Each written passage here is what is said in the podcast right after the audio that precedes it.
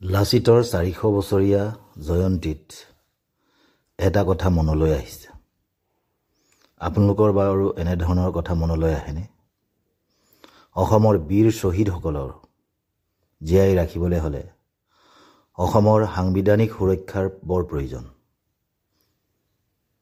অসমৰ সাংবিধানিক সুৰক্ষা নহ'লে বীৰ লাচিতৰ জয়ন্তীৰ চাৰিশ বছৰীয়া যি উদযাপন এই উদযাপন ৰাজনৈতিক ব্যৱস্থাৱলীৰ মাজতে মেৰ খাই থাকিব। তেওঁৰ দৰ্শন তেওঁৰ ভূমি তেওঁৰ মাটি তেওঁৰ ভাষা য'ত তেওঁ জন্ম হৈছিল সেই ভূখণ্ডৰ মানুহবোৰক সুৰক্ষিত কৰিবলৈ হ'লে আমি সাংবিধানিকভাৱে সুৰক্ষিত হ'ব লাগিব। আমাৰ ভাষা আমাৰ মাটি আমাৰ ভেটি কোনোৱেই যাতে আগ্ৰাসন কৰি শেষ কৰিব নোৱাৰে।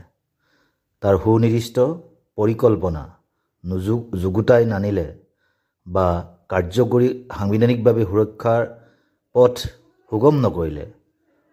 এদিন এই বীৰ লাচিতৰ দৰে ব্যক্তিসকল অসমত য'ত ক্ষণ জন্মিছিল তেওঁলোক জীয়াই থকাটো সম্ভৱ নহয়।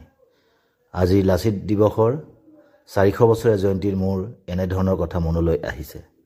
কাৰণ আজিও আমি সাংবিধানিক সুৰক্ষাৰ নামত অসম চুক্তিৰ ছয় নং দফা কাৰ্যকৰী নহ'ল। যিয়ে নহওক এই মুহূৰ্তত লাচিতক স্মৰণ কৰিছে খুব ভাল কথা। আৰু এই স্মৰণ লাচিতৰ দৰ্শন আৰু আদৰ্শ যিটো বহিৰা শক্তিৰ প্ৰতি প্ৰতিশোধ কৰা যিটো ক্ষমতা এই ক্ষমতা আমাৰ আৰ্থিক সাংস্কৃতিক সামাজিক ভাষিকভাৱেই থাকিব লাগিব। অন্যথা আমি অসমীয়া অসমৰ মানুহবোৰ এদিন নিচিন্ন হ'বলৈ গৈ আছোঁ। এইখিনি কথাই আজি মোৰ মনলৈ আহিছে।